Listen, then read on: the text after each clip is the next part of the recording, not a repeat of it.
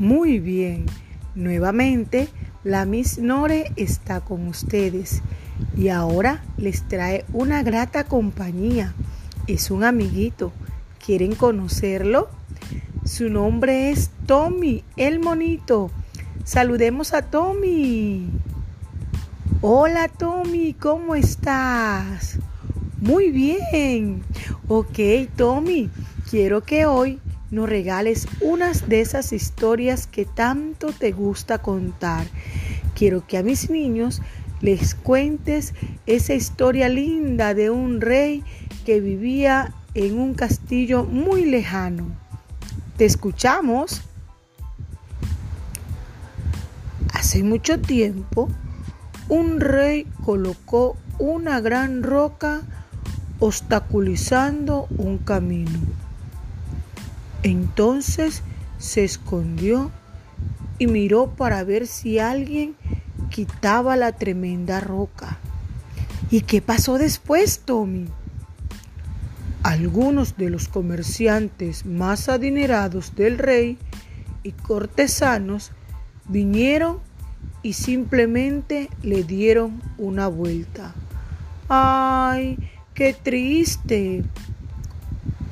Muchos culparon al rey ruidosamente de no mantener los caminos despejados, pero ninguno hizo algo para sacar la piedra del camino.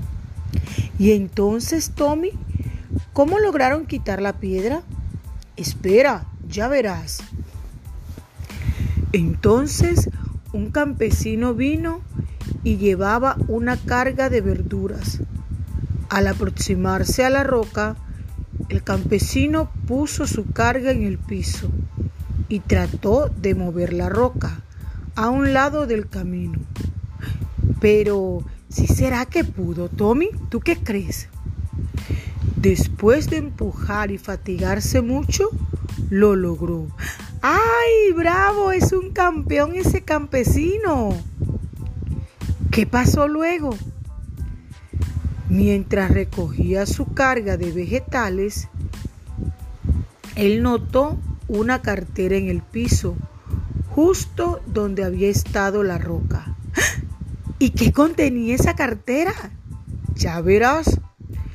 La cartera contenía monedas de oro y una nota del rey. ¿Qué dirá esa nota, Tommy? Cuéntame, cuéntame. La nota decía que el oro era para la persona que removiera la piedra del camino. ¡Grandioso! Entonces el campesino fue el ganador de esas monedas de oro. Qué linda tu historia, Tommy, y deja una enseñanza muy bonita. ¿Será que los papitos y las mamitas de mis niños saben cuál es esa enseñanza? Vamos a averiguarles, a ver qué creen ustedes que nos puede enseñar esta historia.